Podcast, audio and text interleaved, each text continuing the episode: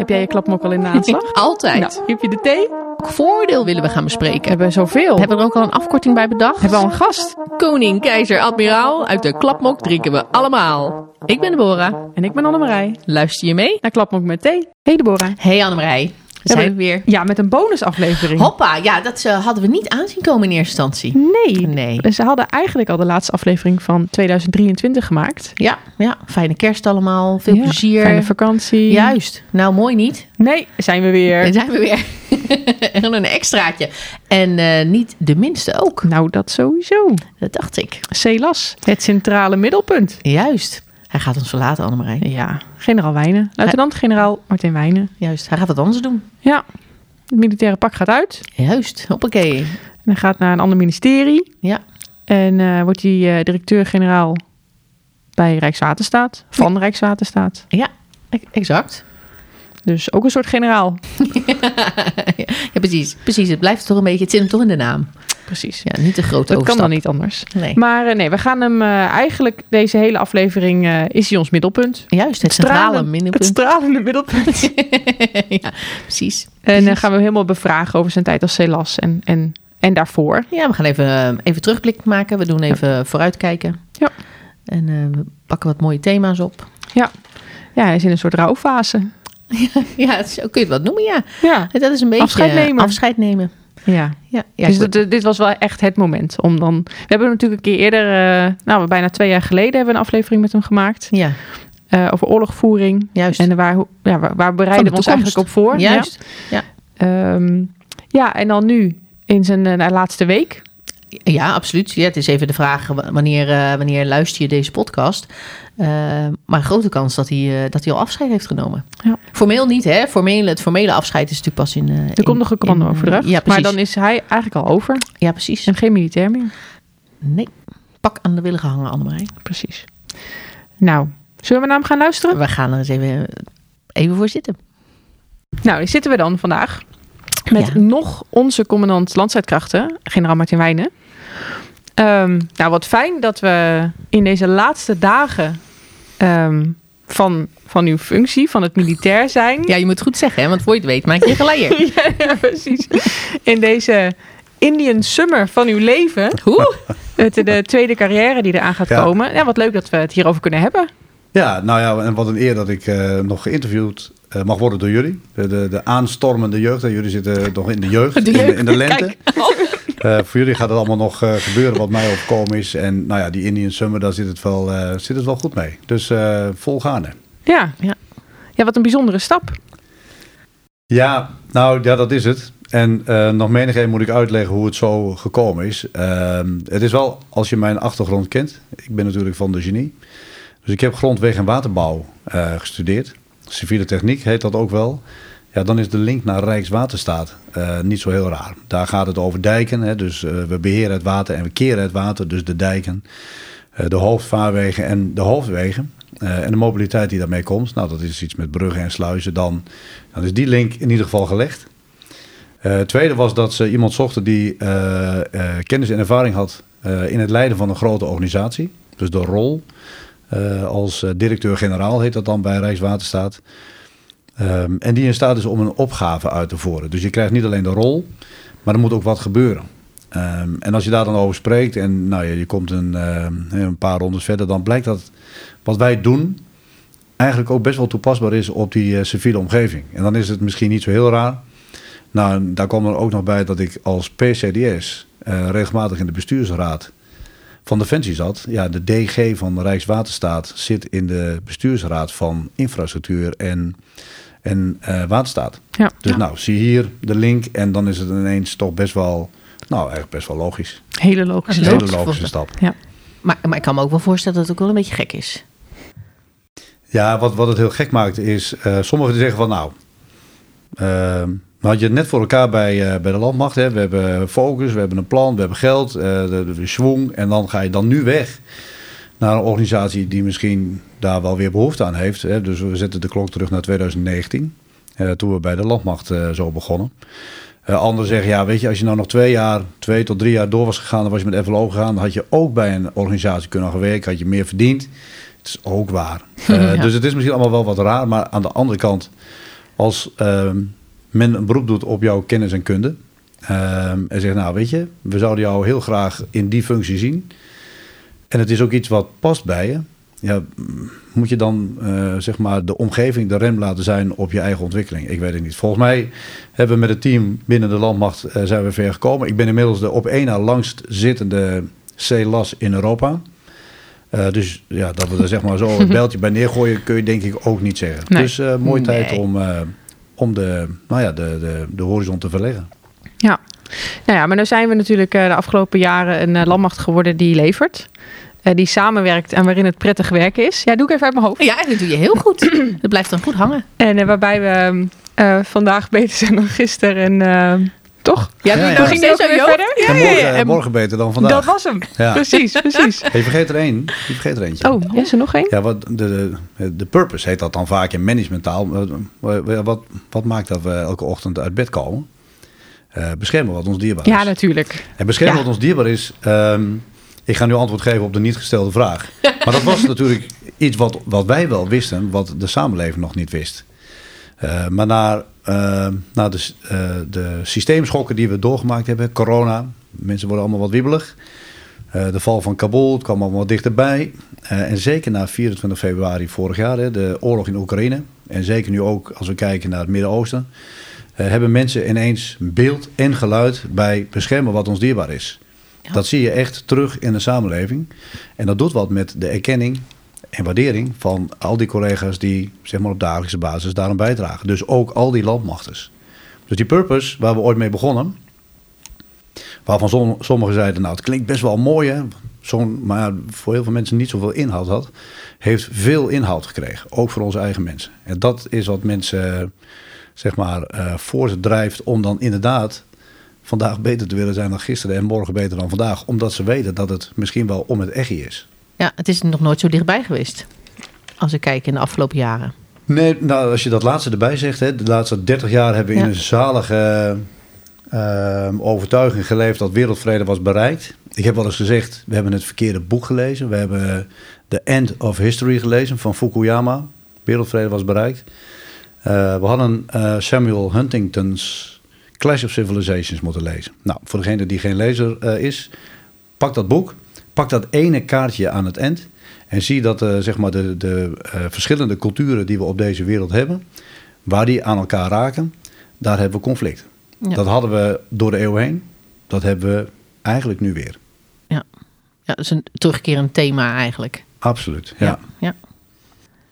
Ja, en, en als we dan ehm, naar die afgelopen jaren als CELAS eh, dan kijken, de, de, de, de, wat, er in, ge- wat er geopolitiek gebeurt, is natuurlijk een grote ontwikkeling. Wat, eh, nou, ik heb u horen zeggen, we hebben wit mee en we voelen het zelf niet altijd.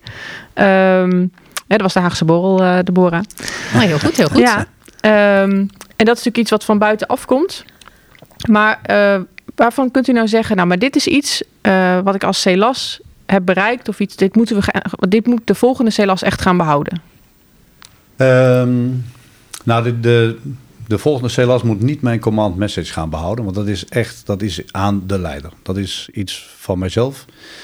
Ehm, ik denk dat het voor leiders belangrijk is om command climate te eh, creëren. Waarbinnen we dus met z'n allen kunnen werken. We kennen dat allemaal. Hè. Binnen welke context opereren we? Als eh, leider of als eh, nou, zeg maar volger.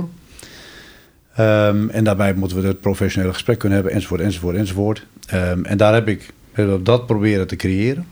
En vervolgens eh, de organisatie, ik zou bijna zeggen, eh, weer in de hoeven gekregen. Eh, door ervan uit te gaan dat we altijd leveren. dat we altijd samenwerken. En dat we dus inderdaad voortdurend werken aan, die, aan dat command climate. Dat we die organisatie zijn waarin mensen prettig werken. Waarom zeg ik dat?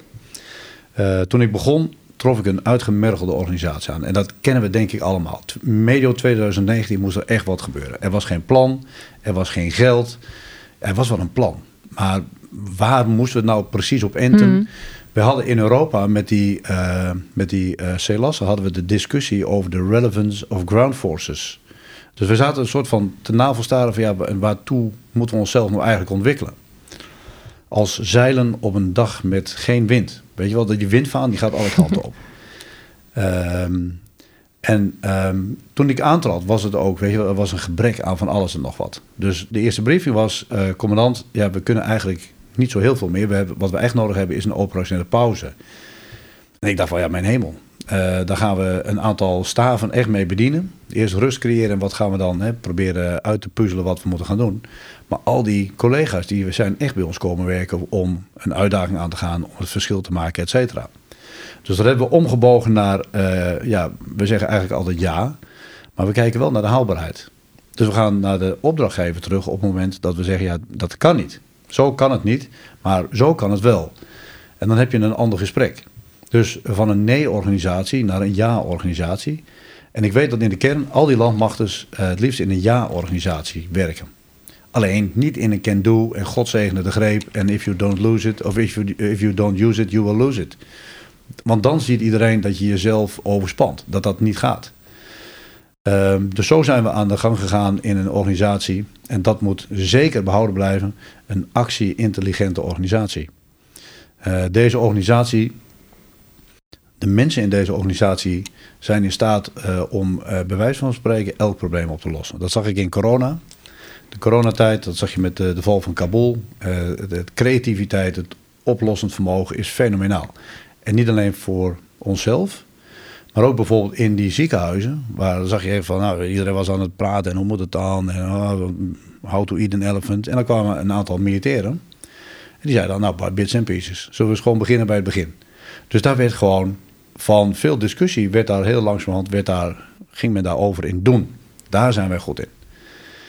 Um, dus dat moet echt behouden blijven. En hoe je het dan noemt, noem je het. Maar dat is de kracht van de organisatie. Het probleemoplossend vermogen van onze mensen. En het tweede, als, um, en dat weten we allemaal, op het moment dat het heel ingewikkeld wordt, gaan uh, mensen van Defensie, zeker landmachten, gaan meer plannen. Uh, ik zou bijna zeggen, uh, pas goed op als je heel veel spreadsheets ziet. Dan zou het, anders iets niet helemaal in de haak zijn. wij proberen de oplossing altijd bij onszelf te zoeken. Maar gooi je blik naar buiten, hoe ingewikkeld dat ook is. En probeer dan samen met anderen die oplossing te verzinnen. Gezamenlijk doel, een wel overwogen eigenbelang. Want als je niet een eigen belang dient, hè, dat is voor jezelf, maar ook die partners met, met wie je samenwerkt, ja, dan wordt dat helemaal niks. Heb je dat wel, dan ga je elkaar helpen. En ik denk dat dat um, ook iets is. Dus de focus van onszelf moet naar buiten zijn en niet naar binnen. Hm. Nou, die twee zou ik willen meegeven aan uh, zeg maar mijn opvolger, hè, de, eh, de generaal uh, Jans Willens, uh, van koester die twee. Ja. Ja, maar. ja, nee, want u zegt de blik naar buiten, niet alleen zelf willen doen. Ehm, is het, dan, is het dan vanuit mijn eigen bubbel of is dat echt vanuit, uh, vanuit uh, de, de landmacht gezien? Hè, moeten, we, moeten we de samenwerking gaan opzoeken met uh, onze partners? moeten we ons gaan aanvullen?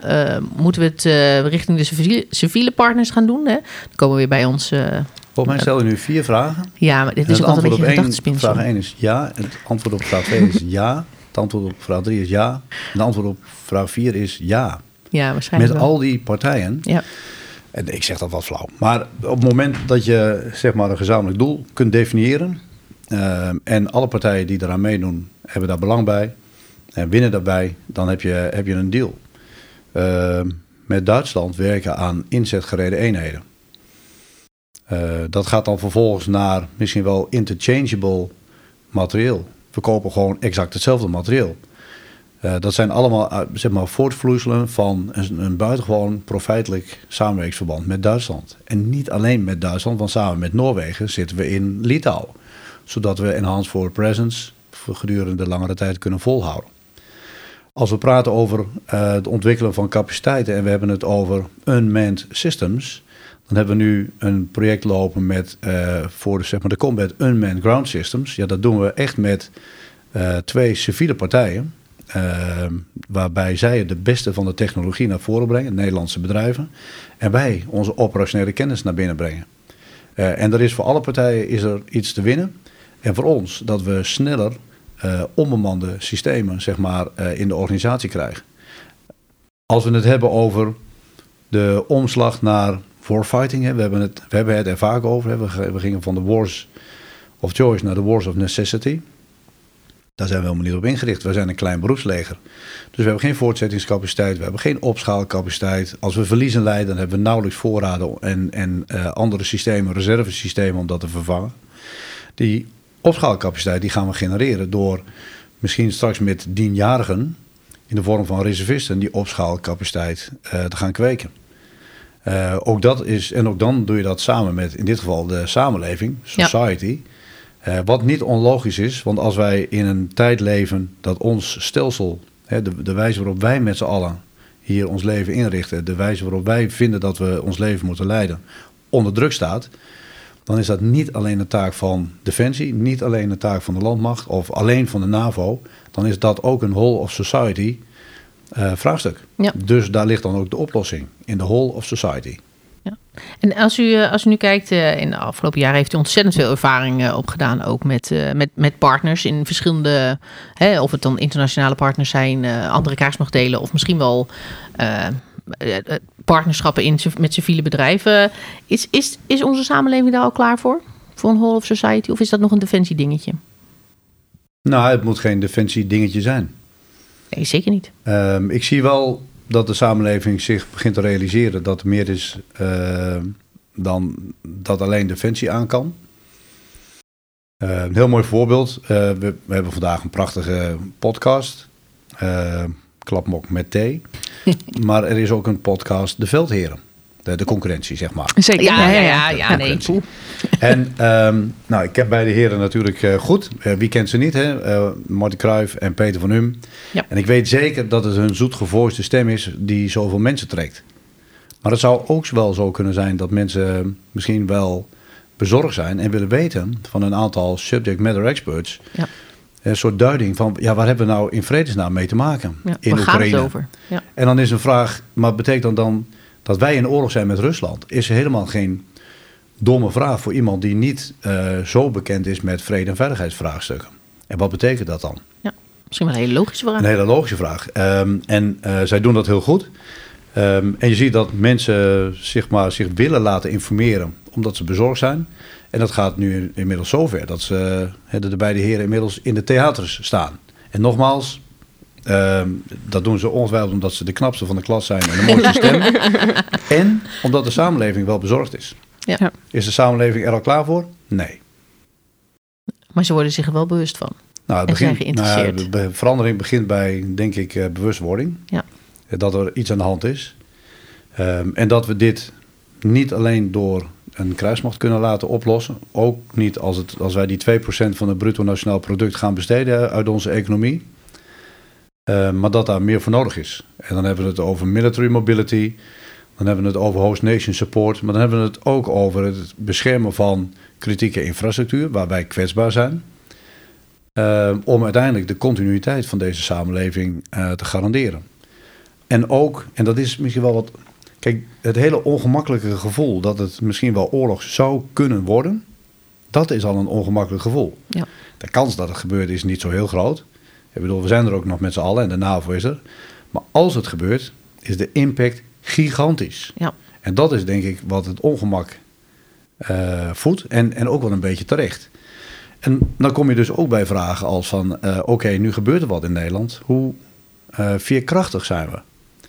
Uh, als systeem hè, kunnen wij grote maatschappelijke zaakschade, grote aantallen slachtoffers, kunnen we dat, kunnen we dat hebben als systeem. Ja. Maar ook individueel kun jij een week zonder stromend water. Ik zou ze de kost niet willen geven die nog geen fles water in de kelder heeft staan. Oh, zeker. Zeker, maar goed, het, ik denk dat iedereen aan het schakelen is omdat zijn mobieltje niet werkt. Dat iedereen daarop blijft hangen. Ja, maar er komt weinig water uit je zeg maar, niet functionerende mobieltje. Ja. ja. Dus een, de eerste zeg maar, vorm van resilience, ja, dat ben je echt zelf. Ja. En houdbaar voedsel, uh, in blik, wat je ook kunt eten zonder dat je het opwarmt. Ja. We hebben dus even niet de tijd voor een twee-sterren maaltijd.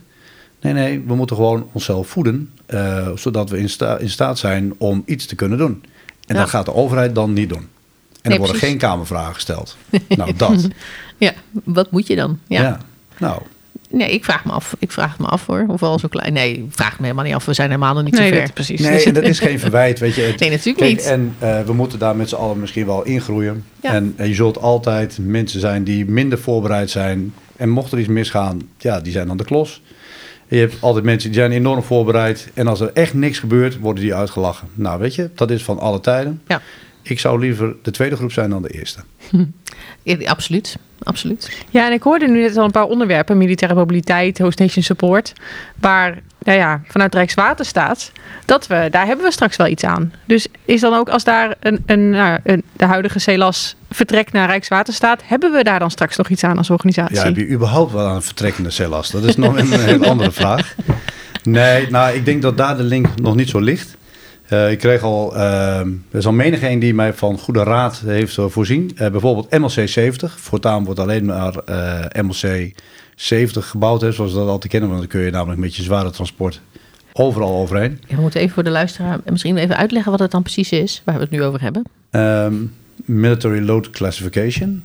Soms zag je dat, vroeger zag je dat op brug staan. Zo'n zo'n ronde gele stip met een getal. In Duitsland zie je dat vaak op Ja, eh, en, en da- daar gaat ook wel de grap dat die, dat het ergens midden in Duitsland ophoudt. dat klopt, dat was namelijk de inner-Duitse grens. hè. Eh, want daar begon namelijk eh, het gebied van de tegenstander. ja, ja, ja. Ja. Nee, ehm, Dat is waar eenmaal. dat, dat is waar eenmaal. Iemand zei ook van eh, Nederland gaat eh, misschien wel eh, verdedigen achter de dijken. Nou, zullen we dan alvast een generaal vooruit sturen die dan over de dijken gaat? Nou, weet je, Ideaal. het allemaal goed. Tegelijkertijd, als we het hebben over brede veiligheid, eh, dan hebben we het niet alleen over oorlog. Eh, maar het, dat je jezelf weerbaar opstelt, eh, bijvoorbeeld tegenover de zee. of al het water wat ook uit Duitsland komt bij veel regen of bij veel sneeuw in de Alpen. Ja. of veel regen met een land wat voor een heel deel onder zeeniveau ligt. Is dat dus ook veiligheid. Ehm, dus ik denk dat we veiligheid vanuit de brede zin moeten bekijken. En daar maakt Rijkswaterstaat integraal deel van uit. Absoluut. Ja, dat is toch een andere vorm van, eh, ja, ik wil zeggen conflict. Hè? Dan gaan we in het gevecht eh, met de natuurverschijnselen. Dat is dan het gevecht wat Rijkswaterstaat voert, eh, denk ik. Ja, en, en, en dat ook over de af. Ja, daar hebben we natuurlijk ook onze prijs betaald. Ja. Zeeland 1953 Ja, was de prijs heel hoog. Maar ook in midden jaren 90, hè, de rivieren hadden geen ruimte meer. Sterker nog, we begonnen, omdat het heel lang niet zoveel hoogwater was geweest, begonnen we in de uitwaarden te bouwen. Ja. ja, daar waren we snel van genezen. Dat was niet een heel verstandig plan. Nee. Eh, dus net als bij Defensie zie je dat ja, je neemt waar eh, wat de situatie is en dan ga je vervolgens maatregelen optreffen. Ja. Ja, het is bijna allemaal hetzelfde eigenlijk. Hè? het is Onderaan bijna hetzelfde. Ja. Bijna hetzelfde. Alles steeds opnieuw. Ja, ik, ik, Ja. kan wel even, ik wil even met u terug naar eh, een klein stukje loopbaan. Ik heb hier niet een heel, eh, met- heel doopstil met wat u allemaal heeft gedaan, maar ik ben natuurlijk wel heel benieuwd. Want wat was nou de mooiste baan? Terugkijkend Wat naar. was de... Och, jongens. Ja, is, het nou, was het, is dat nou echt de CELAS? Was dat de mooiste baan? Of misschien wel die van eh Commandant brigadecommandant? 43, denk ik. Ja, kom, ja of commandant 11 Panzers is niet Ja, wat ook heel- mooi. Ja, Maar ja, wat dan eh, zeg maar een soort van, eh, wat daar dan de, de gemeenschap, hè, de, de kleine gemeenschappelijke veelvoud, nee, grote gemeenschappelijke deler is, is het, dat is een commandantenfunctie. Ja. Dus eindverantwoordelijk zijn voor een grote groep mensen eh, die in, zeg maar, eh, in samenhang en in samenwerking een opdracht uitvoert. Ja. ja. En dat, dat zijn vrijwel altijd zijn dat de mooiste functies. Ja. Waarbij, de- en dat is net met uitzendingen, de allereerste maakt de grootste indruk. Ja, dan gaan we echt terug naar het begin. Pelotonscommandant van 41 Panzergenie Compagnie. In mei 1989. De muur staat nog recht overeind in Zeedorf. ja, ja. En wat maakte die functie dan zo mooi? Omdat het inderdaad de eerste keer was? Nou ja, kijk, je begint aan de KMA en dan is het allemaal, dat is laboratorium, hè. Je doet het met elkaar en, en, en, en eh, je studeert. En dus ook de militaire vorming, dat is, hè, dat is allemaal eh, met elkaar. Een veilige omgeving. Veilige omgeving. Ja. Ehm, en dan, ehm, nou, in mijn geval was het, dat heette geen VTO, dat heette nog SMO, dat was het vijfde jaar. En daarna was je klaar en eh, ging je naar de parate eenheden. Eh, met een aantal onderofficieren en heel veel dienstplichtige soldaten. Ja, dat Eh, klopt. Ja, die had je inderdaad in die tijd. Dat was dat nog. Ja. En eh Zeedorf had iets magisch, vond ik. En dat was dat dat eigenlijk in de hedendaagse termen zou je dat de EFP Germany genoemd hebben. dat was de voorwaarts gestationeerde eenheid die. Geen eigenlijk- medaille, denk ik, hè? Geen medaille. Nee, nee, nee, daar was geen sprake van. Ehm, maar wel ehm, werkweken die eh, zeg maar doorliepen tot zaterdagmiddag 12 uur. Ja. Drie keer in het weekend eh, beschikbaar zijn. Dus eh, twee keer op de zaterdagavond en de zondagavond moest je vertellen waar je zou zijn. Waarbij ehm, eh, de officier van dienst dan een belronde deed of iedereen inderdaad wel daar was waar hij of zij had gezegd dat Oh. ze dan zouden zijn. Ja, dat was dan vanwege, vanwege wat was dat? Paratheidsregeling. Oh, oké. Ja, wij zaten daar echt met een hoge graad van gereedheid. Eh, en het idee was hè, dat eh, langs die in-Duitse grenzen hadden alle zeg maar, legerkorpsen die daar gestationeerd waren. Dus Nederlandse, Belgische, Duitse, Britse, Amerikaanse. eh, die hadden zo'n zo'n opvangcapaciteit dat mochten we verrast worden. Ja. dat dat de, de, de capaciteit was die het soort vertraagd gevecht zou uitvoeren. Terwijl de rest, zeg maar vanuit Nederland en vanuit België, vanuit Amerika, Reforger heette dat toen ook nog zeg maar naar Duitsland zou komen. En dat werd getest. Ja. Eh, dus wij werden regelmatig gingen we in de EOR, dat heette toen nog anders, hè, in het vak, eh, verkenningen uitvoeren naar in dit geval eh, wat we aan hindernissen hadden liggen. En dat was allemaal voorbereid. ja, ja, ja, ja. ja. ja. Dus ehm, als je, nou dat vond ik, als je dan van de KMA kwam, was dat ongeveer het ultieme. Dus daar moest het gaan gebeuren. Ja. Nou, ik zal je zeggen, die eerste vijf jaar KMA waren vormend voor, de, voor de jonge Martin Wijnen. Eh, de drie jaar Duitsland daarna waren even zo vormend. ja. Ja, vooral goed luisteren naar de ervaren onderofficieren. eh, naar de iets ervarener eh, officieren. En eh, ja, daar had je het dan, dat, je, je kreeg daar een soort van, je kreeg de smaak te pakken en je bleef zitten. Of ja, niet. En dan was je ook snel weer terug naar een andere eenheid of naar Nederland. Maar dat was een hele, ja, ik zou bijna zeggen, een hele harde wereld. waar het alleen maar om de operationele output ging. Ja, ik kan me Ja. voorstellen, juist in die tijd, waarin die, Ja. die dreiging ook zo voelbaar was, dat dat ook dan meespeelt in, in nou ja, hoe je je eenheid leidt en hoe je dan in het systeem zit eigenlijk. Ja, ja dat was. En, en je was daar niet alleen, want eh, je zat er met een heel aantal jaargenoten. Die begonnen ook allemaal. Er was nog een zeer intensief mesleven. eh, waar je s'avonds gecoacht werd. Dat heette toen niet zo. Eh, maar dat, werkt dat het wel. zo werkte dat echt wel. En, en daar weet je dan, eh, daar leerde je echt het vak. Vijf jaar KMA, drie jaar panzergenie in Duitsland. En eh, toen had ik het toch voor een heel deel wel im griff, zoals dat dan eh, toen heette. Dat was ook een beetje een stopwoordje. eh, als je dan naar Duits kwam, want alles in grif. Ja, alles in grif. En een tweede eh, die daar zeer vormend was, was mijn eerste uitzending. Ik was, kwam na drie jaar terug in Nederland, 92. Ehm, bij de staf van de eerste divisie die we toen nog hadden, bij, als kapitein operatieën.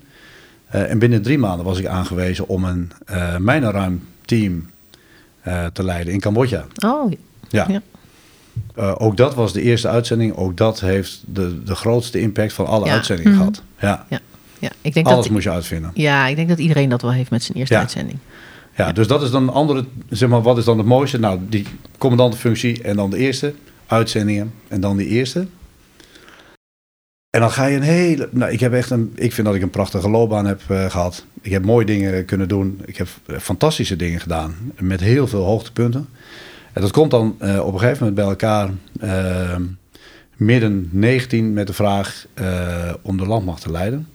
Wetende dat dit een uitgemergelde organisatie is Ja. op dat moment. En toen had ik voor mezelf al eh, de conclusie. Denk, ah, die hier moet echt het beste van al die jaren die de organisatie in jou heeft geïnvesteerd, moet er nu wel uitkomen. Eh, want dat heeft de organisatie nodig. En als jij het vertrouwen krijgt om die organisatie te mogen leiden, Ja. dan eh, moet je je uiterste best doen om dat dan ook te laten slagen. Met de commandanten, met de collega's, met de onderofficieren, met de manschappen, met die hele landmachtfamilie. Ehm, maar dat was wel de klus de, waar we in nou ja, medio 2019 voor stonden. Je kunt het je bijna niet herinneren. Eh 1,08% besteedde Nederland aan zijn defensie. Ja. Ehm, en wij waren niet alleen uitgemergeld, dat was de hele defensieorganisatie. Ehm, nou ja, en als dat dan aan de orde is, dan, nou ja, dan gaan we daar dus met z'n allen de tanden in zetten. Ja. Ja. Ja, ik, ik, ik vind het mooi. Ik vind het, ik vind het mooi om te horen. hè. Allemaal aan commandantenfuncties, allemaal goed. Dan in, komt 2019 de vraag... Wilt u eh, de, land, eh, de landmacht gaan, eh, gaan leiden? En Wat voor leiden hadden we toen nodig? Wat voor type leider? Ja, wat voor type leider? Ja, dat is, ja, dat is, een, dat is een ingewikkelde... Een kennelijk het type leiderschap wat ik dan had laten zien. Nou, dat is, dat is te gemakkelijk, hè? Dat is makkelijk. Maar Kom ik wil niet meer gewoon weg, hè? een doorvraag. Nee, nee ik, ik denk dat wij eh, op dat moment... ehm, ik zei het al, het, het was windstil. Dus de, de windvaan ging alle kanten op. Ehm, iemand die misschien zegt van... nou, weet je, laten we eens proberen uit een impasse te komen... met eh, het doen van operaties en het doen van dingen. Ehm, dus niet de can-do mentaliteit. Eh, wel leveren, maar eh, zeg maar zodanig leveren dat de collega's er vertrouwen in hebben dat het ook kan. Dat het ook kan. Dus niet triple-headed, double-headed functies waarbij bijvoorbeeld bij de verbindingsdiensten al weten dat je niet beide kunt doen. Ja. Want je kunt je radio's niet inspoelen en daarmee dus niet geloofwaardig bent. Ehm, dus haalbare eh, opdrachten betekent dat eigenlijk voor tot op het individuele niveau, en ik weet zeker dat we dat niet altijd hebben kunnen garanderen, maar dat eh, voor iedereen in zo'n missie en in zo'n opdracht er een haalbare opdracht lag. Dat doet wat met de geloofwaardigheid van de, de organisatie. A, genereer dan de output en B, eh, behoud je de mensen. Eh, en waar ze dan willen zeggen, vertrouwen komt te voet en gaat te paard. Het vertrouwen was weg. Met z'n allen, dat hadden we allemaal. En dat moet je dan heel, heel langzaam, ja, met heel veel moeite, ga je dat dan weer opbouwen. Dus dat was denk ik ehm, wat er speelde in de uitvoering van de operaties. Eh, een tweede eh, is richting geven aan de ontwikkeling. Eh, wij hadden heel veel mensen die nadachten over de toekomst. Maar dat waren niet dezelfde toekomsten. Wij vonden het heel ingewikkeld om al die toekomsten bij elkaar op te tellen en dan zeggen, nou oké, zo gaan we het doen. En we zijn ook allemaal Nederlanders, hè, dus dan, dan hadden we een keer gezegd van we gaan het zo doen. Maar dat was dan niet het einde van de discussie. Nee, dan We gingen we begonnen dat het. tot in lengte van tijden gingen we dat bediscussiëren. En dat maakte niet uit, want we hadden toch het geld niet om het te gaan doen. Nee. Dus die discussie kon eeuwig doorgaan. Eh, dus ik denk dat dat, eh, dus eh, zeg van nou, het geheel gehoord hebbend, zo gaan we het doen. Ik denk dat ik ook wel, dat heet perseverance meebreng, vasthoudendheid. Je mag bij mij eeuwig terugkomen op een besluit als je nieuwe argumenten hebt. Heb je dat niet, zullen we het dan gewoon eens gaan doen met z'n allen. En niet in, zeg maar, eh oeverloos gezwam blijven hangen. Dat vinden we echt heel ingewikkeld.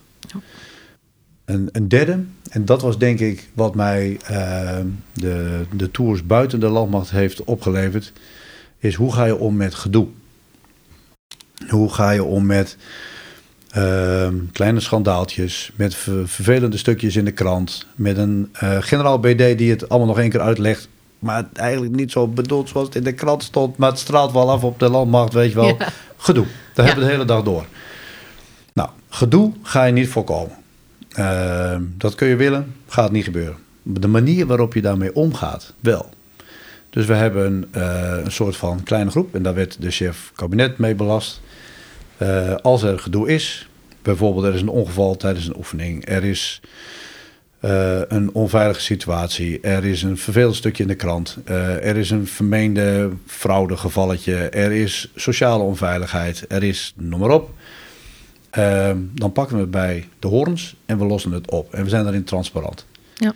De tijd dat je dingen onder het tapijt kon vegen is echt lang achter ons. Eh, terwijl je aan het vegen bent, is er altijd wel iemand die zegt van ja, wacht even, maar dat is niet eerlijk. En gaat het alsnog melden. En waarom zou je dingen onder het tapijt willen vegen? Ja, ik denk dat dat, dat dat de juiste vraag is, inderdaad. Ja, want ook dat doet wat met je geloofwaardigheid. Precies. En ik denk eh, dat dat elementen zijn eh, geweest die ik door zeg maar kennis en kunde, kennis en ervaring, maar ook houding en gedrag heb kunnen meegeven. Eh, en die vier elementen bepalen ook de, de effectiviteit van een leider. Je kennis, je ervaring, je houding en gedrag. De eerste twee zitten vooral aan de systeemkant. De tweede twee vooral aan de leefwereldkant. Hoe ga je met elkaar om? Nu bent u denk ik al, al heel lang een hele ambitieuze eh, militair en, eh, commandant. Ehm, die weinig slaap nodig heeft en altijd doorgaat. Ja, ga door. En ik kan me voorstellen dat er dan... Er zullen ook altijd mensen zijn die daar niet in mee kunnen.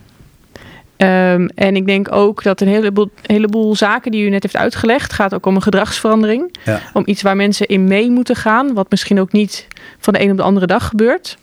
Dus hoe bent u daar dan mee omgegaan? Nou, dit is een. Kijk, als jij een, een schip wat op koers ligt eh, laat afbuigen, dat, dat gaat altijd met eh, frictie. En frictie zit zelden in een organisatie, maar zit altijd tussen mensen. Eh, dus ja, ik denk dat ik ook gesprek heb gevoerd met mensen met eigenlijk de vraag van, we kunnen van alles nog wat doen, maar wij maken elkaar niet gelukkig. Zullen we proberen om iets te vinden waarbij jij gelukkig wordt, waar ik gelukkig word, waar de organisatie beter van wordt? Eh, en dat hoeft allemaal niet met stemverheffing eh, te gaan. Maar dat is onvermijdelijk verbonden aan het veranderen van een koers. Want je gaat niet iedereen meekrijgen. Omdat ook niet iedereen ervan overtuigd is dat wat je dan doet, dat dat het beste is. Dat is wel het moeilijkste van leiding geven. Kijk, want als alles goed gaat, oh, de gebraden haan uithangen, Ja, dat is allemaal, mooi. of hen, dat gaat allemaal prima. Maar als jij eh, over het algemeen werkt het zo, je maakt een analyse, je maakt een plan, eh, je vormt een team, je voert het uit. Ja, ja, dat is de, dat is de theorie. De ideaalsituatie. Dat is de ideaalsituatie. Maar de vraag is of iemand op een gegeven moment eh, die taak wel kan. En het is zelfs zo oneerlijk, de taak die die deed, kon die prima. Maar wat je nu van iemand verlangt, ja, dat gaat hij of zij niet kunnen. Nou, ik ben wel, ik, noem dat, ik noemde dat in die tijd nog wel eens de graceful way out.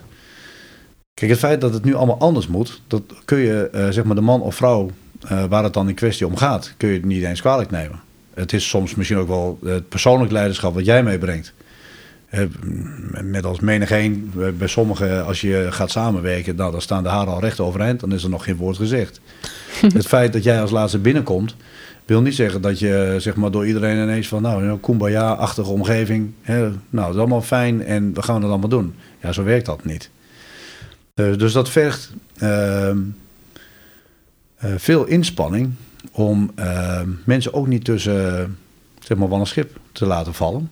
Eh, om uiteindelijk dat team dan zodanig te smeden dat het ook in staat is om die nieuwe uitdaging aan te gaan. Mhm. Ehm, want wij zijn een prachtige organisatie en we kunnen in operationele omstandigheden alles. Maar probeer eens één VTO te veranderen in deze omgeving in vredestijd. Hell breaks loose. Eh, dus dat vergt wat van mensen om ze daarin mee te krijgen. Ja. Ja. En, en iedereen weet dat dat er nodig is. Ehm, en iedereen vindt dat, dat een ander het moet veranderen. Maar zelf is dat ingewikkeld. Dus dat zijn altijd heel ingewikkelde vraagstukken. Dus als je in 2019 begint en het roer gaat eh, dan om. En dat spreken we met elkaar af. Dan zegt iedereen ja. Maar voelt misschien nog wel, nou, ik weet niet. Ehm, dus Moeten we dat- nog maar eens even zien. ja, eh, ja, precies. De, de, de Twentse boeren uit mijn omgeving, ik woon in Enschede. Als je die met een vlammend betoog hebt verteld hoe het moet. En die zeggen, joh, joh. dan weet je hoe laat het is. Dan gebeurt er dus helemaal niks. Nee. Ja, Ja. ja, maar ik kan me ook wel voorstellen dat ik... Ik heb wel vaker de term, dat gaan we gewoon doen. En dan, dan hoor ik de stem van generaal Wijnen. Ja, ja, ja. Ehm, eh, ja, dat het ook niet altijd natuurlijk... ehm, dat kan ook niet altijd. nee. Ehm, eh, en dat dat soms ook wel lastig is. Ook als je door wil met iets, een bepaalde ehm, ontwikkeling door wil maken. Eh, en soms staan dan niet alle seinen op groen. Dus dat lijkt me dan ook wel lastig. Nou, en dat is ook niet... Kijk, eh, we vragen vaak meerdere leiderschapsstijlen. Dus soms is het nodig om dingen te, te versimpelen tot misschien wel zwart-wit. Eh, soms is het misschien wel goed om eh, in besluitvorming de nuances aan te brengen. En vertellen dat er allerlei tinten grijs zijn tussen zwart en wit. Eh, en dat je het misschien ook zelf niet weet. Dat het een zoektocht is. Soms moet je het afdwingen. Omdat je het geheel gehoord hebbend weet dat er weerstand is. En daar moeten we echt doorheen. En soms moet je een groep het zelf laten vertellen. En dan, dan komt dat wel. Dus voor verschillende problemen en voor verschillende vraagstukken heb je ook verschillende benaderingen. Eh, en dat kennen we denk ik allemaal. De, de one size fits all bestaat niet. Nee. Ehm, en als je daar, zeg maar, ehm, ik denk dat je voor jezelf een bepaalde koers in gedachten moet hebben. En zolang het daar binnen blijft, kun je heel veel ruimte geven voor de uitvoering. Ehm, waarbij je dan misschien de timing wel moet bewaken. Hè? Want je moet het ook weer niet te vrij laten, want dan gebeurt het volgend jaar dinsdag. ja, ja, precies. Ehm, en ook daar helpt de, de huidige tijd denk ik wel bij dat iedereen wel ziet. En dat is ook wel een beetje eh, wat nu eh, bij de collega's wel een, een punt is. Van oké, nu hebben we al dat geld, we hebben die prachtige plannen. En waarom duurt het dan zo lang Ja. dat we dat eindelijk eens keer gaan doen? Die reorganisaties eh, kost oneindig veel tijd. Verwerving kost oneindig veel tijd. Nieuwe collega's hebben te weinig. Waarom zijn we zo zoals we zijn? Mhm. Zo bureaucratisch. ja, en dat is een, dat is een hele goede energie. Eh, maar ik weet wel dat daar een einde aan zit. Als het te lang duurt, dan gaan we ook mensen verliezen. Omdat, het, omdat we soms gewoon stomme dingen doen in deze organisatie. Allemaal. Dat is omdat niemand wil dat en het gebeurt toch. Nou, dus dat vergt ook wel een soort van iedereen achter de volle blijven zitten. Om te zorgen dat we ook eh, dingen gaan realiseren. Nou, we hebben natuurlijk ook een eh, aflevering gemaakt met de SG en de CDS. En daar hebben we het ook Ja. gehad over de WD-40 en dingen soepel maken. Ja, ja, ja. Ehm, ik denk dat dat daar ook heel erg in zit. En dat er nu ook heel erg wordt gekeken naar... maar waar zitten dan nu die processen, de zaken waar we ook zelf iets aan kunnen veranderen? De, alles wat ons nu tegenhoudt, wat we eigenlijk zelf ook ehm, in stand houden. Ja. Hebben bepaalde regels die gewoon interne regels zijn... eh, dat we kunnen zeggen, we veranderen iets aan die regels. Zodat we wel een stap Ja. verder kunnen zetten. Ja, ik denk dat we heel veel zelf kunnen. Ehm, en dat we ook misschien wel, soms voelden we ook wel comfortabel, hè, veel regels. Dus we vragen, doe minder regels. Maar regels geven ook houvast. Zeker. Ehm, en ik hoor soms wel eens eh, regels dat ik denk, nou die regel is er helemaal niet. Dat is een hele bijzondere, dat is een soort van fantoomregel. ja, hij is wel Eh, makkelijk. Ja, ja, en, en ik zal niet zeggen dat mensen zich daar dan voor hun gemak achter verschuilen. Ehm, maar het biedt voor sommigen wel comfort. Ja, daar moet je echt doorheen breken. Ja. Waarbij ik wel eens gezegd heb van nou, een, een regel vind ik niet erg als je die overtreedt. De wet overtreden, dat is ingewikkeld. Dat is een andere vorm van regels. Ehm, dus daar moet je daar, zorgen dat je daar nooit in de buurt komt. Maar regels mag je rustig eh, uitdagen.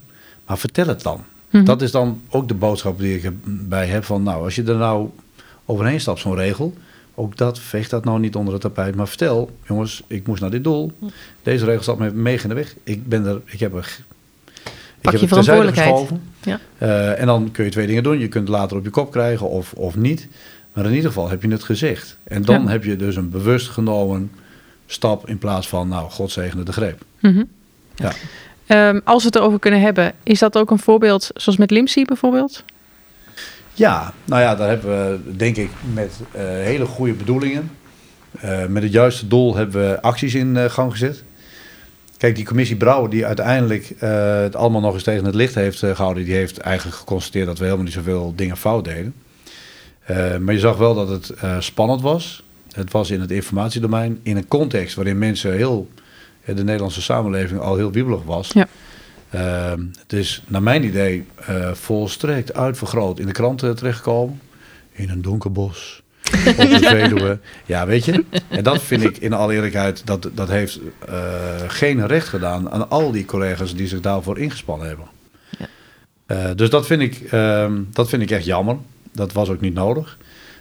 En dat deed ook geen recht aan die situatie. Ehm, en dat brengt ons bij een van de vier zorgen die ik op dit moment heb. Die één heb ik net al genoemd. Hè, de tempo van de verandering. Gegeven hè, de, de, de, omgeving, hè, de dreigingomgeving van, eh, dreigingsomgeving van de NAVO. Die, die, gaan, die kunnen niet snel genoeg gaan. Hè, dat moet sneller. Ehm, maar een tweede is ehm, in die omgeving waarin je eh, zowel in, het, eh, in de fysieke dimensie als in de virtuele dimensie als in de cognitieve dimensie tegenwoordig effecten moet kunnen creëren, betekent dat we spelregels moeten hebben om te kunnen opereren in het informatiedomein. En niet alleen eh, tijdens ernstoperaties, hè, tijdens missies, maar ook eh, om te kunnen opleiden en trainen. Eh, want anders dan staan we op een beslissende achterstand tegen welke opponent dan ook. Um, en er zijn nu, er is een methodiek voor, er zijn wasstraten waarbij we samen met juristen en beleidsmakers kijken van oké, wat kunnen we wel doen? We zijn misschien ook wel wat in een kramp geschoten naar Limsi, hè, want je krijgt een tik om de oren als capaciteit. Dan denkt iedereen, oeh, dit is helemaal... oeh. We gaan even tien stappen terug. Ja, gaan we tien Ja. stappen terug. Nou, dat hadden er ook gewoon twee kunnen zijn. Eh, dat, is, dat hoort er gewoon bij. Maar één ding is zeker, dat hebben we nodig. En dat heeft eigenlijk geen enkele organisatie. Dus die, die zorg, eh, die is er absoluut. Ehm, en dat is, daar zijn we achter gekomen met het, met het LIMSI. Nou ja, een derde zorg is eh, voldoende mensen. Ehm, en de vierde zorg is ehm, eigenlijk... Kijk, wij, ondersteunen Oekraïne terecht met donaties, met materieel, met, ook met sleuteluren. Hè. Bijvoorbeeld bij Matlogco uh, zijn dit jaar echt tienduizenden uren besteed aan het uh, gereed maken van materieel wat nu in uh, Oekraïne het goede werk doet. Interflex, Eumam, noem maar op. Maar dat gaat allemaal af van onze eigen operationele gereedheid. En we komen niet van een periode van overvloed. Daar hebben we het al over gehad. Dus wij zijn onszelf ook aan het heruitvinden. Ja. En daarmee zeg ik niet dat we nu onverantwoorde dingen doen. Maar we moeten wel heel goed kijken naar de balans tussen wat doen we voor Oekraïne en wat doen we voor onszelf in het kader van de NAVO-taak uh, om het bondgenootschap te kunnen verdedigen. Dus ja, die vier, dat zijn voor mij wel de punten die ik ook met mijn opvolger uh, nadrukkelijk besproken heb. En dat weten ze hier in de staf ook, hè. dat is niet alleen maar voor de commandant. Dat zijn de vier zorgen die, die ik uh, zie. En die ook wel door heel veel collega's wordt, wordt gezien. Ja. Als we het hebben over, we hebben het al even net over Whole Society gehad en um, uh, bepaalde, um, nou, wat u wel of niet mee kunt nemen, ook in, het, nou ja, in de tweede carrière. Um, uh, en dan was ik nog wel benieuwd, uh, als we dat dan doortrekken naar de generaals die wij hebben. We hebben natuurlijk heel veel generaals in onze organisatie. Zouden, zouden we niet veel meer van dat soort mensen ook in het civiele leven, in, op hoge uh, ambtenarenposities, misschien wel in het bedrijfsleven, maar in ieder geval veel breder, of als we het even hebben over misschien simpel de Algemene Bestuursdienst. Iedere generaal zit in de ABD en kan ook elders geplaatst worden. Mm -hmm. En dan Wat hebben is we de ABD? de Algemene Bestuursdienst. Oké, okay, goed. En dan hebben we het over dit soort boodschappen die we misschien wel veel breder uh, naar buiten nou ja, kenbaar moeten maken. Dat daar Um, net als dat we die veerkracht in de samenleving daar meer mee moeten doen. Um, uh, dat er breder een beeld is bij waar moeten we met elkaar over nadenken, waar moeten we klaar Mhm. mm-hmm. voor zijn. Zouden we niet daar naartoe moeten? Nee, ik denk het niet. Dat is de retorische vraag. Nou, nee, maar de vraagstelling was al van, nou, daar kun je niet anders dan ja op zeggen. Dat ga ik uiteraard uh, ook doen. Dus er staan me toe daar een korte zeg Hij was maar, wel leuk. grappen over te maken. Nee, nee, ik denk...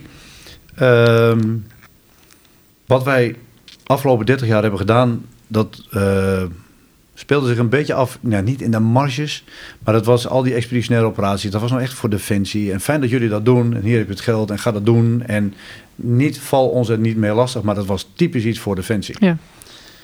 Uh, ik denk met de huidige tijd, met wat we hebben laten zien aan de samenleving met de coronatijd. Uh, de krijgsmacht die weer wat prominenter deel uitmaakt van, uh, van de hele discussie over veiligheid. Um, en uh, als je dat combineert met dat wat we de afgelopen jaren hebben laten zien. Kijk, laten we wel wezen, deze organisatie is van een milde krimporganisatie. Wat die eigenlijk al 30 jaar was, hè, dat heette dan vredesdividend. En hadden we de laatste jaren wel een beetje geld erbij, maar dat was amper genoeg om, om dat zeg maar te keren. Zijn we van die milde krimporganisatie naar een grote groeiorganisatie gegaan. En ik denk dat menigeen ook wel gezien heeft wat we bij Defensie aan het doen zijn. Um, en daarmee dus ook wel um, een heel aantal um, nou, zeg maar skills en tools, instrumenten als leider, uh, als manager zo je wilt, uh, hebben kunnen laten zien. Die ook van toepassing zijn of ook waardevol zijn in andere organisaties. En ik heb dat al eerder uh, ervaren. Ik heb twee jaar bij justitie gewerkt. Dat was in de tijd dat de NCTV nog NCTB heette. Dat was nadat ik in 2009 in, in Kandahar, Kandahar had gewerkt uh, in, uh, in Afghanistan. Was eigenlijk het vervolg van God wil je niet bij de NCTB twee jaar als programmamanager aan een aantal zeg maar, van dat soort vraagstukken werken. Ja, dus was gewoon vanuit Defensie zo'n uh, detacheringsplek. Ja, en, dat was een, en dat ging over Car Status die met zijn, met zijn Suzuki tegen de, de naald aan was oh, gereden. Ja, in Apeldoorn. Ja, ja. En, ja. en vervolgens Alberto Stegeman die stond op Paleis Noordeinde. Ja. Waar hij niet geacht werd te zijn. Dus toen was het de vraag van nou rondom staatshoofd en, en koninklijk huis. Hoe zit het met de bewaking en beveiliging? Dat werd mijn programma. Uh, nou, dat hadden we met de collega's van de, van de Marechaussee en de DKDB vrij snel op orde. Maar dat heeft mij twee jaar uh, zeg maar prachtig werk opgeleverd bij de NCDB. Uh, en mijn conclusie daar was dat ik daar heel veel kon leren. Dus ik, ik zou het ook toejuichen dat meer mensen zeg maar de kans krijgen om op wat jongere leeftijd één of twee jaar buiten Defensie te werken. Uh, maar wat het mij ook leert is dat wij met alles wat wij meebrengen aan kennis en ervaring veel te brengen hebben in, in dat soort organisaties. Ja. Ja. Uh, dus onderschat dat niet. Um, en dan even terug naar de vraag. Ja, ik zie dat, ik zie dat eigenlijk wel gebeuren. Ik, ik denk dat daar wel iets voor nodig is. Uh, het moet geen wet van mede en persen zijn. Eh, ik denk dat we voor diegenen die dat, eh, hè, die, die horizon willen verbreden, dat dat mogelijk moet zijn. En dat vergt dan wel dat onze procedures een beetje aansluiten bij die van eh, de burgers uit de ABD. Ehm, dus de manier waarop zij selecteren, et cetera, et cetera, waar ze naar kijken, ja, dat zou eigenlijk misschien ook wel voor een aantal mensen van ons, eh, van Defensie, van toepassing zijn. En dan zou ik zeggen, neem dat dan weer niet helemaal over, want dat doen we dan ook wel eens. Dan gaan we dat allemaal doen. en nee, maak het zeg maar zo civiel Als eh, mogelijk. als mogelijk en, en hou het zo militair waar nodig. En dan zit je denk ik in een soort van balans die ons gaat helpen om eh, mensen ook beheerst en, en verantwoord, eh, zeg maar buiten Defensie, een tijd te werk te stellen. En wat mij betreft ook weer terug. Ja. En weer eruit en weer terug. Veel meer flexibiliteit in, eh, eh, in de bestandsopbouw van ons personeel. Ja, mooi. Ja, een leuke uitdaging allemaal. Ja, leuk. Ja, ik heb er nu al zin in. Heel goed.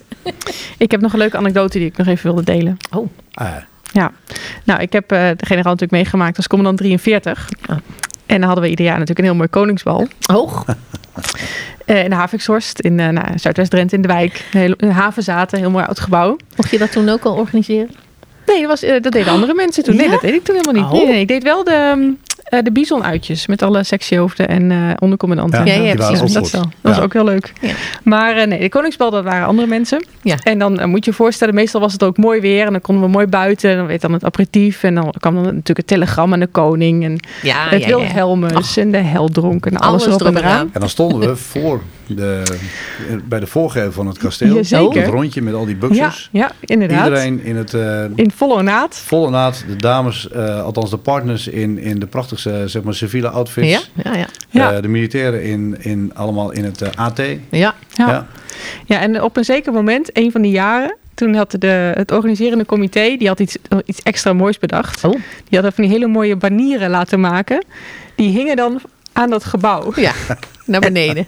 Ja, ik kan me dat nog herinneren. Ja. ja Stond er niet zelfs Maar- een foto op? zeker. Ja. Ja, was dat uw Een foto? foto van de commandant. en het enige wat, da- wat daar nog miste was, dat dan werd ingestart, mijne. Bij het kasteel. Château, ja. Ja, maar dat waren Ja, mooie echt feesten. prachtig. Nee, dat was heel mooi. ja. Ja. Nee, en dat was dan... ehm ehm dat, dat, dat zat dan in die, die eh, schuur waar altijd het vee had gestaan. Dat, dat was drie segmenten.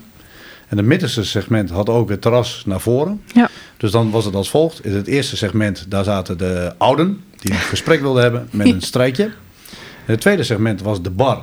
En iedereen die wilde roken, en dat was in die tijd best nog wel veel... die stonden dan op het terras te roken. Eh, en in het derde segment eh, stond Radio Veronica te draaien. Want we hadden een bondje met Radio Veronica voor de Ja, landmachtdagen. Ja. En dat was echt hell breaks loose. Ja, dat was ja, echt ja. gewoon een kabaal van heb ik jou daar.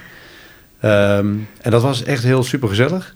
En dat, maar dat had ook nog wel, eh, want dat trokken we niet alleen maar volle zalen mee, want eh, voor alle officieren was het verplicht. Dus in de bataljons, die moesten dan echt, hoezo en waar is dat dan goed voor, et cetera, et cetera. Eh, en als je dan zei, nou ja, dat is goed voor de, voor de vorming van de, de jonge officier en onderofficier. Nou, dan ging dat met eh nou, tegen Heugenmug in. Ja, ja, ja. Ehm, we hebben ook een bonte stoet aan partners voorbij zien komen. Die ze nu en dan, dat je denkt van nou, volgens mij heb je elkaar tot vanmiddag vier uur nog niet gezien. Ehm, en dan had ik wel weer een beetje dat zeeloofgevoel. Ja. Dat ook de ouderen dan de jongeren een beetje coachen. En ehm, ja, Ja, Eh, dus een enorm esprit de corps. zeker. Waarbij ik eh, ook wel wat verwarring stichtte. Want wij zingen namelijk nooit het Wilhelmus mee. Eh, Waarbij we dan zeiden van eh, voor alle militairen. eh, bij deze dispensatie zingen van het Wilhelmus. Dat moest ik later nog eh, in een of andere voorschrift moest dat dan worden uitgezocht of dat dan kon of niet. En dan Maar inmiddels is het, mogen we echt Inmiddels- zingen? Ja, mogen we gewoon zingen? Ja. Ja. Ja, Ja, en dan ging Ja. daar echt het dak wel af. Ja. Ja. absoluut. Ja, dus ik vond het een mooie herinnering. Denk ik, ik wil hem nog eventjes Ja, ja, delen de hier. Ja, wat Ja. leuk. leuk. Hey, ja, als we dan toch nog even een, eh, een blik eh, vooruit gaan kijken. Ehm, de 2% staat voor, eh, voor de deur. Wat eh, betekent dat voor de landmacht? Ja, dat betekent, dat betekent veel. Ehm, en, maar laat ik het onderscheid maken tussen het geld dat we nu hebben en dat we nu aan het uitgeven zijn. Ehm, en dat past bij eigenlijk alles wat we in de Defensienota 2022 hebben opgeschreven. Maar dat, daar zijn we eigenlijk nog niet. Ja, je ziet wel de eerste dingen, hè, want we, we gaan straks de raketartillerie eh, die sy- eh, systemen gaan eh, geleverd worden. We zien Ranger bataljon wat eh, verschijnt. Er, zijn echt veel capaciteiten die online komen.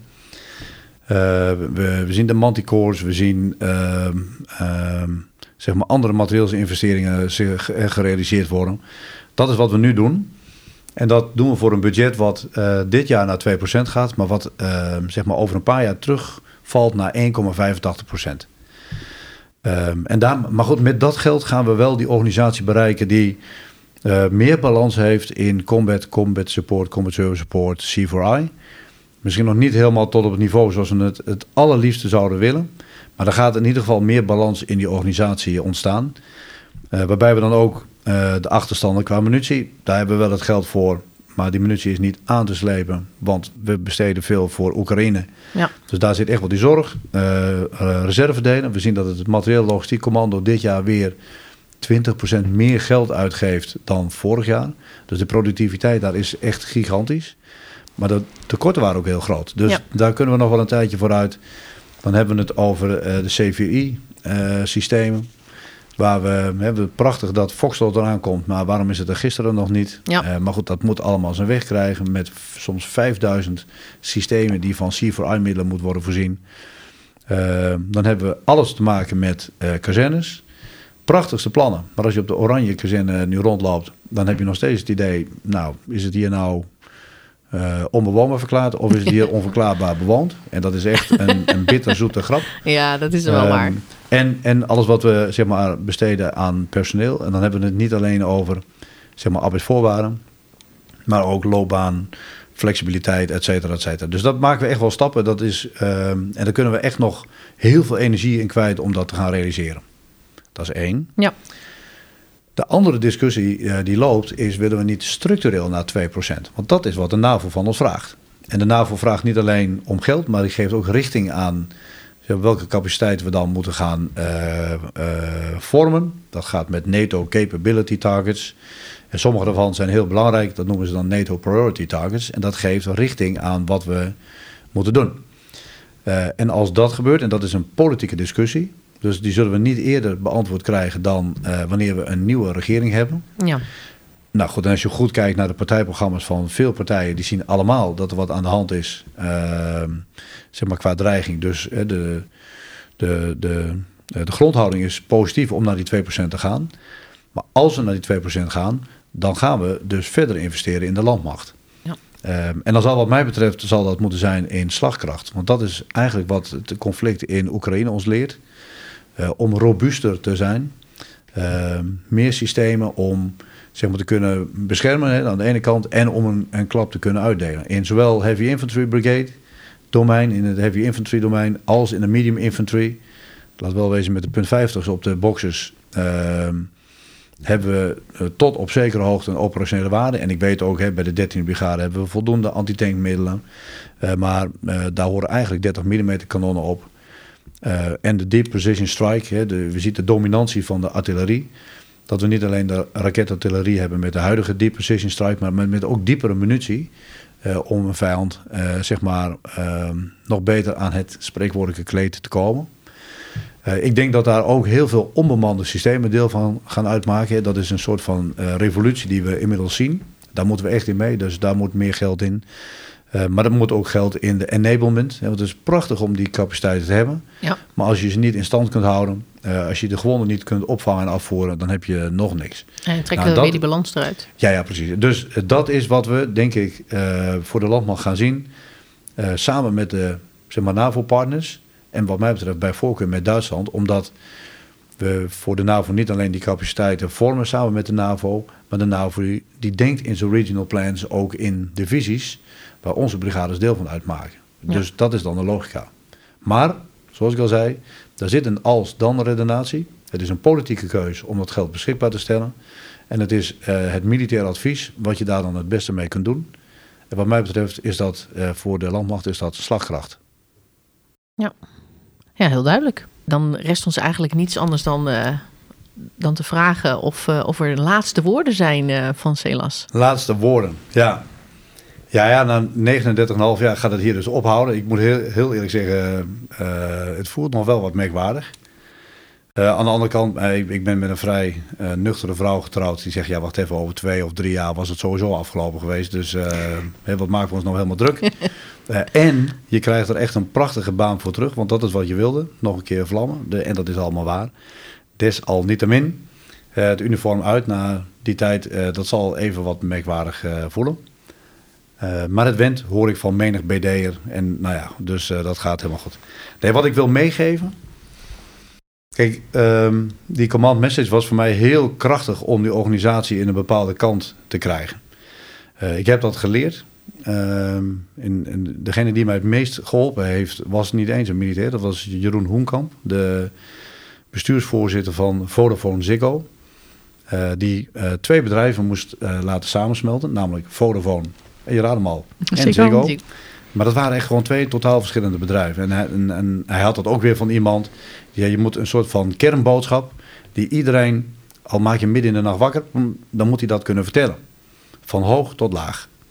Uh, dus die ging regelmatig dan, uh, dan deed hij een bordje trainee op en dan ging hij in een winkel ging die, en dan ging hij ook horen hoe dat dan ging. Uh, en ik denk dat dat wel gelukt is. die command message, soms, ik zeg wel eens mensen om het bijna afbreken, dan heb je hem weer mensen, landmacht die levert en samenwerkt en waar mensen prettig werken om te beschermen wat ons dierbaar is. En daar zat nog een stukje aan vast. Daar zijn we mee begonnen. Namelijk uh, de drive die menigeen voelt. Namelijk om vandaag beter te zijn dan gisteren. En morgen beter dan vandaag. En dat is prachtig. Maar als je dat heel extreem doortrekt, ben je nooit tevreden. Is nooit goed. Dan is het nooit goed. Uh, nou zou je kunnen zeggen, nou komt u nu mee. Helemaal aan het eind. Maar wat ik iedereen gun, uh, ondanks het feit dat we voortdurend kritisch zijn op al die processen wat nog niet goed gaat en die zorg die we hebben. Maar druk ze nu en dan eens een keer de pauzeknop in. Sta eens even stil bij wat we in de tussentijd hebben bereikt. Wat je met je eenheid hebt bereikt. Wat je met je staf, met je directie, met je projectteam, met whatever hebt bereikt. Uh, en geniet ook zo nu en dan van die successen die we eigenlijk voortdurend halen. Dan wel in de missies, dan wel in de operaties, in de trainingen, bij projecten, bij het realiseren van doelstellingen. Uh, durf ook zo nu en dan um, te genieten van dat resultaat. Um, en dan weer door. Morgen weer beter dan vandaag. Dat zou ik wel willen meegeven naar de toekomst. Mooi. Dank u wel. Heel hartelijk bedankt. Graag gedaan. Zo, je tissues uh, bij de hand? Ja, we hebben hem huilend achtergelaten. nou, ook dat meer voor jezelf. Oh ja, ja. ja voor, ons, voor ons ook. Ja, dat is waar. Maar jij hebt maar vaak met hem gewerkt, Ja, hè? maar we krijgen een nieuwe grote leider. Absoluut. Dus. Absoluut. Heleboel, uh, ja, heel benieuwd, heel benieuwd welke kant dat op gaat. Ja. Of we een andere koers gaan varen, Precies. of de focus verlegd wordt. We gaan het allemaal meemaken. Ja, ja. En wellicht komt hij nog een keer uh, voorbij in de podcast. Ja. Nou, dat zou mooi zijn. Ja, toch? Zet hem op het lijstje. Zet hem op het lijstje. Um, ja, en dit was dan echt de laatste aflevering voor... Uh, ja, voor 2023. Voor 2023. Ja. Voor de kerst. Dus nu uh, gaan we nog, nog een keer iedereen hele fijne... Fijne feestdagen. wensen. Ja, geniet Tot er lekker van. jaar. Precies. Uh, met weer een nieuwe aflevering die klaar staat. Ja. Dus uh, Annemarij, ik zou zeggen tot de volgende keer. Tot de volgende keer.